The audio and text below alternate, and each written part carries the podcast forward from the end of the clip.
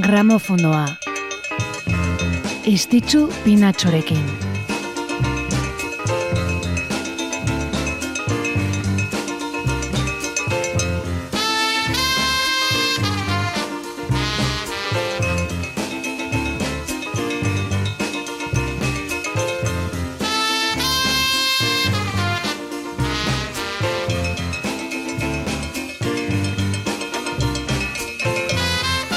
Gabon, azaroaren hogei tamarra dugu gaur, ezagutzen dituzuen Ander edota Andere izeneko guziak zoriontzeko eguna.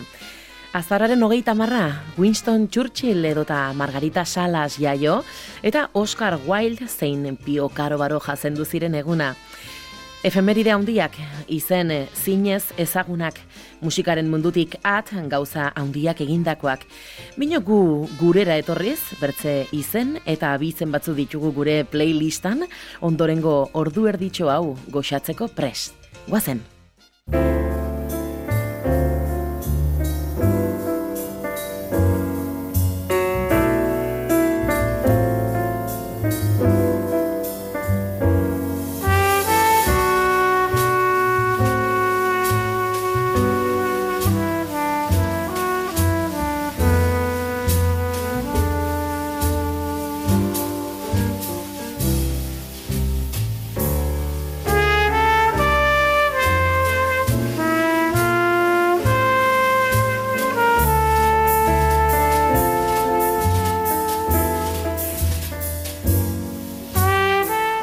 Oiko legez, gaurko efemeridetan ere denboran atzera eginez hasiko dugu saioa Jack Sheldon trompetista eta kantaria aurkezteko.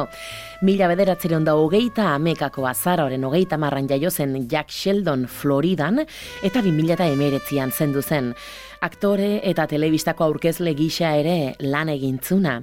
Jack Sheldonek eh, amairu urtekin hasizun bere ibilbide profesionala eta amaseikin armadan izena eman eta bertako orkestra militarrean jozun. Minon behin armadako urteak bukatuta Los Angelesera joan zen bizitzera eta han eh, musikari profesional gisa jarraituzun bere ibilbidea jazz taldeetan arituz eta Kaliforniako estudietarako lan eginez. Peggy Lee, Julie London, Sammy Davis, Tom Waits, edota The Monkeys bezalako taldeen albumetan eta hainbat pelikuletako soinu bandetako grabazioetan ere parte hartu zuen. Mendebaldeko gostaldeko jazz trompetista esanguratxonetako bat izan zen, eta mugimendu honetako ordezkari haunitzekin partekatuzun oholtza Jack Sheldonek.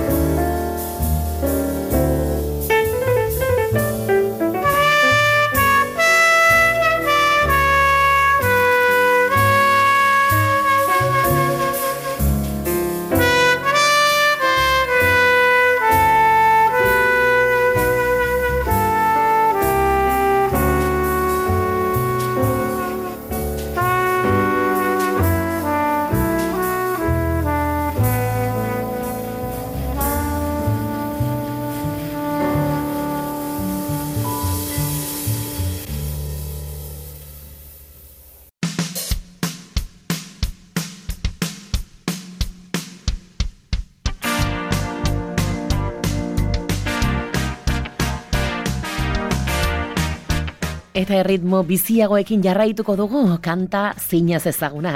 June Pointer gogoratzeko azaroaren hogeita amarreko honetan. Hau da, I'm so excited, The Pointer Sisters. June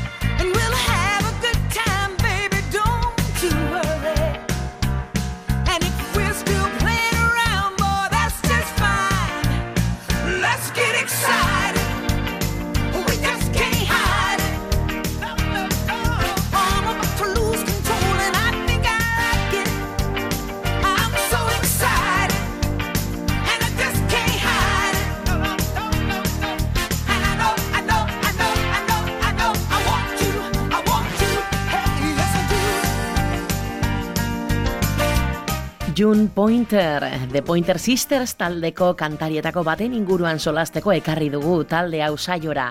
Mila bederatzeron da berrogeita amairuko azarroaren hogeita marrean Kalifornian jaio baitzen soul eta rhythm blues abeslari estatu batuarra June Pointer.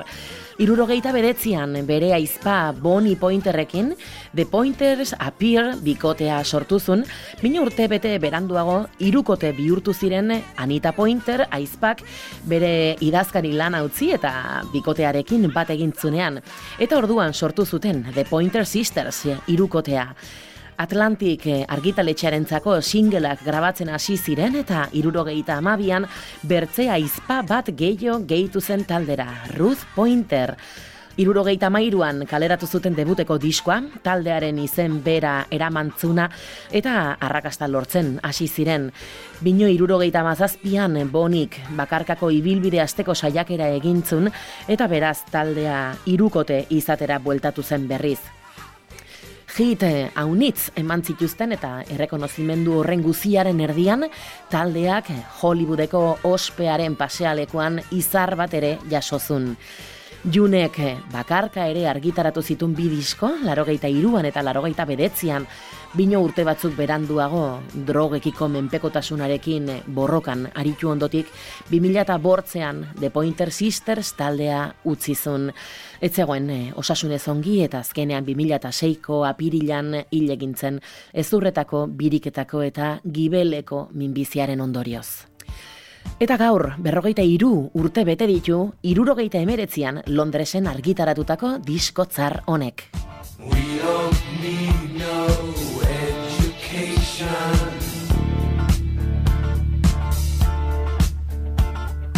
We don't need no thought control. No dark sarcasm classroom.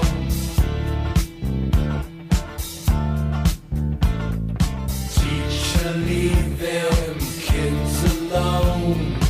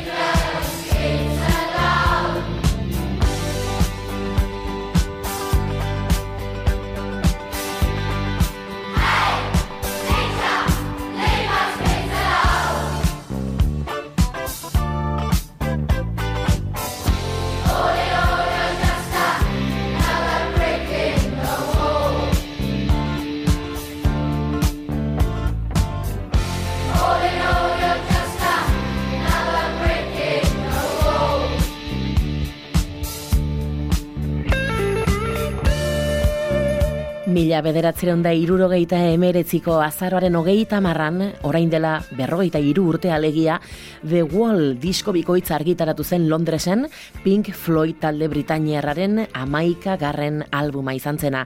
Aurreko hiru diskoetan bezala The Wall disko kontzeptuala izan zen, kasu honetan rock izar baten isolamendu pertsonalaren eta gainberaren inguruan ari dena, eta taldeak irurogeita mazazpian komposatu zuena Flash Tour biran zeudela.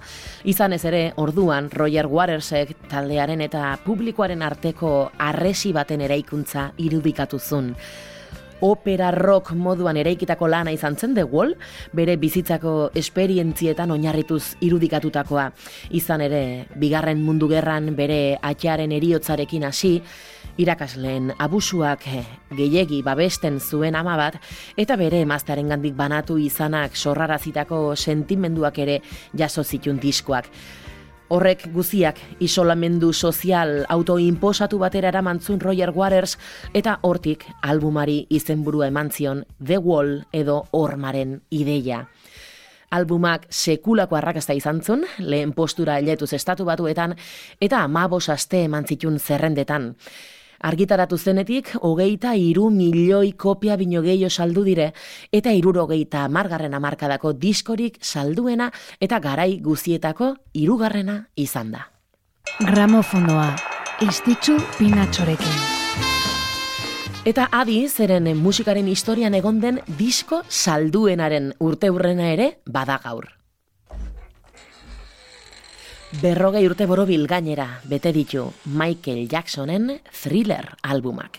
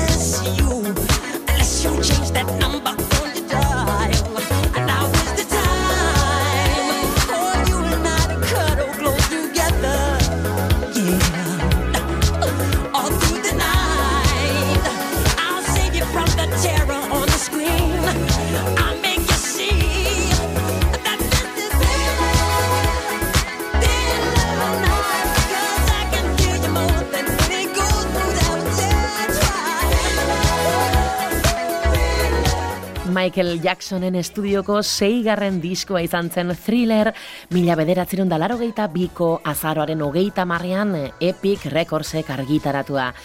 Quincy Jonesek ekoitzizun, hainbat musika genero uztartuz osatutako lana, disko eta rock, funk eta balada, rhythm bluesa eta popa, Jacksonek berak albumeko bedetzia bestitatik lau idatzi zitun eta zazpire unda berrogeita mar mila dolarreko aurrekontua izan zuneko izpenak.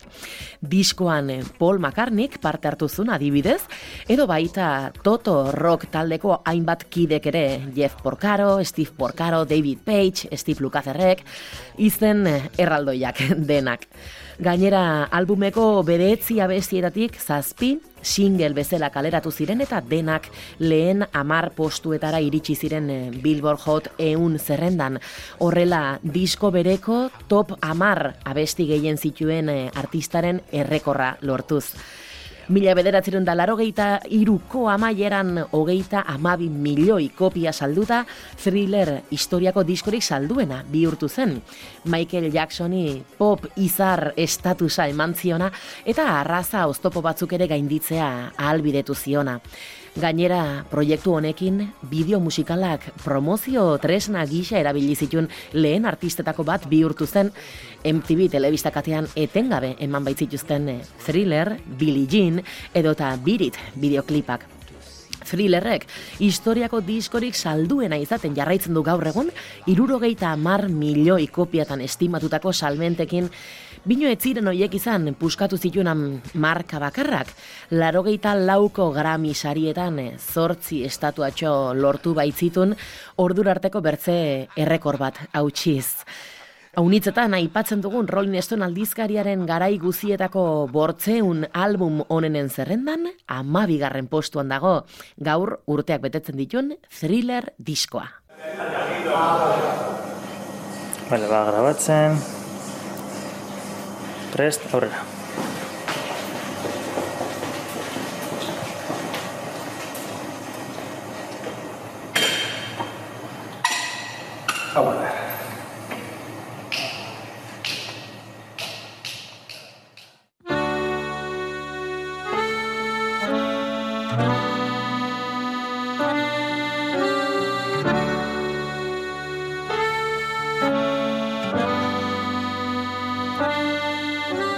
eta hogeita bortzurte musikagintzan hasi zela ospatzen ari den euskal artista handi baten urte betetzeguna dugu gaur. Etxetik partizea baletor zalantza. Mamuzarrak zirika hotzik aralatza. Betor kemena, betor arba soen kemena Oinez hasi orduko baletor dardara. Pausu bat iurrena palitzaio falta. Hautsi dezala hautsi buruak trampa. Hautsi dezala hautsi buruak trampa Badatuz gerlariak badatuz Zaldi herraldoien gainean milaka datuz Egio danborreko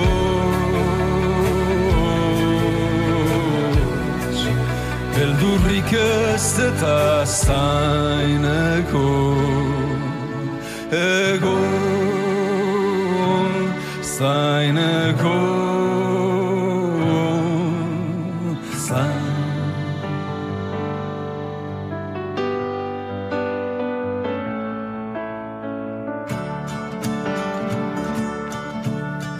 Deskuidos nora ezak hartzen bazaitu Iparra izerik ez eta belakut verdilha e sua rola do etia alemana que a erramu gava belzean itxu gelitzen bazala ez zeru eta ez lur gelditzen bazala Argitxo bat iztuko dizu lehiondoa. Zuni bino bat bihotzondoa Badatoz otxoak badatoz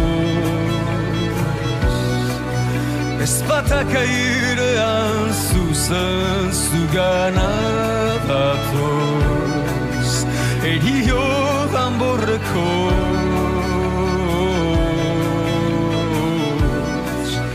Ez ikaratu eta zaineko Ego zaineko zaineko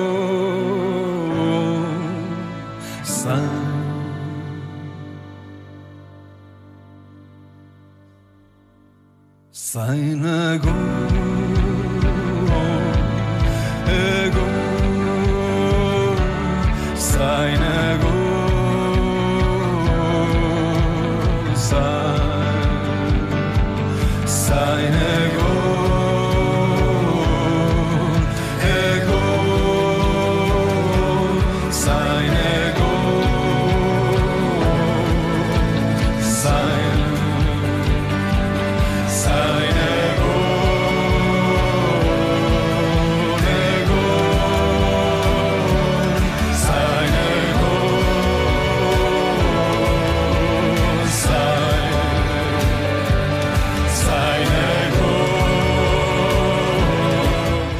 Bertsolaritzaren munduan hasi zen, bino ondotik gitarra eskuan, pianoaren konpainian azken urte hauetan, eta bere ezaugarri nagusienetako bat izan daitekeen estilo intimistarekin izautu izan dugu beti Mikel Urdangarin. Orain, hogeita bortzurteko ibilbidea ospatzeko, aitzetan izeneko diskoa aurkeztu zigun, iaz, hobeki erranda, urte bukaeran, Bilboko kafe antzokian zuzenean bino publikorik gabe grabatutakoa. Mila bederatzeron da larogeita mazazpiko aitzetan izeneko bere lendabiziko disko ari keinu eginez. Bino hogeita bortzurte hauek ospatzeko 2008 biko honetan badena eta ez dena izeneko album argitaratu zuen urdangarinek. Ibilbide oparo honi errepaso zoragarri bat eginez. Izan ere, disko honetan, Bilboko Orkestra Sinfonikoarekin aritu da elkarlanean, bosek eun urte betetzen dituela probestuz. Efemeride bikoitza beraz, aurten elkarrekin ospatzen ari direna. Hauxe da, munduari begiratzeko modu bat. Munduari begiratzeko modu bat Laguntzarrekin kantatzeko modu bat Horoman eguzkia hartzeko modu bat Itxarote jakiteko modu bat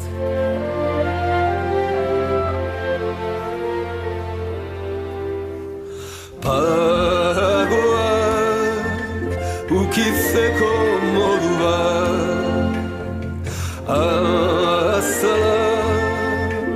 irakurtzeko modu bat Ego aizea usaitzeko modu bat Autuan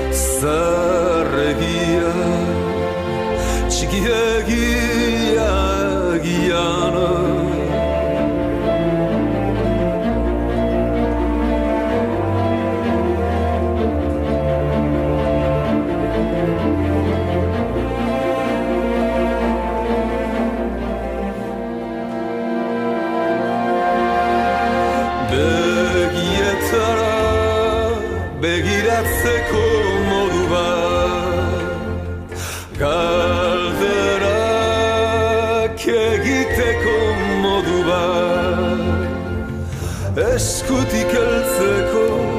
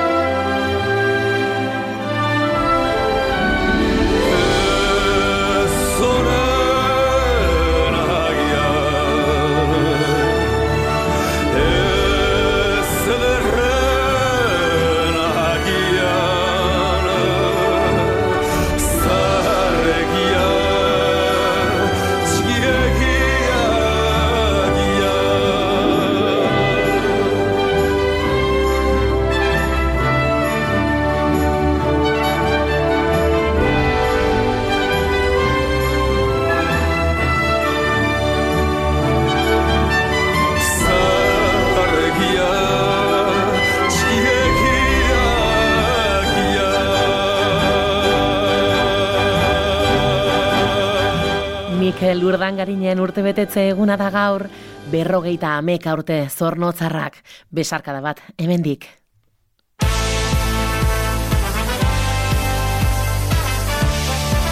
Eta ibilbide luzeko artista bat zoriondu ondotik, gaur bertan, beraien lehen lana aurkeztu duten talde batekin itxiko dugu gaurko gramofonoa.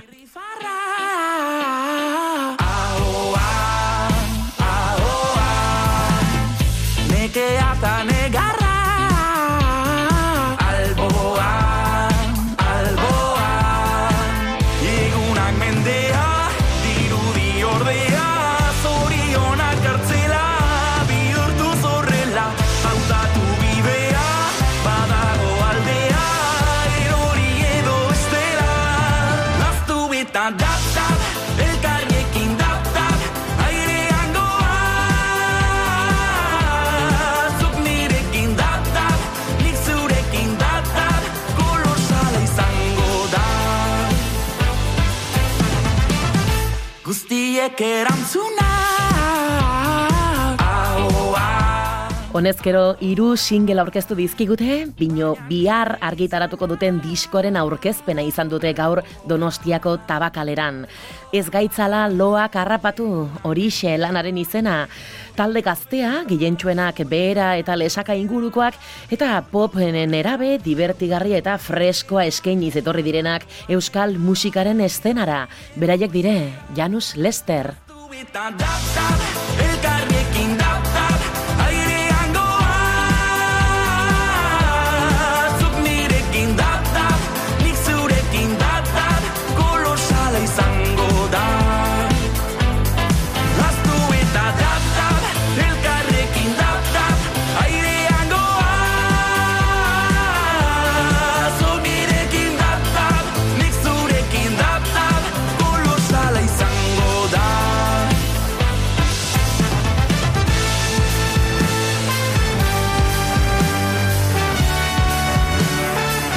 Janus Lesterren musikarekin agurtuko zaituztet niek, gaurkoz bertzerik ez, amets goxoak izan.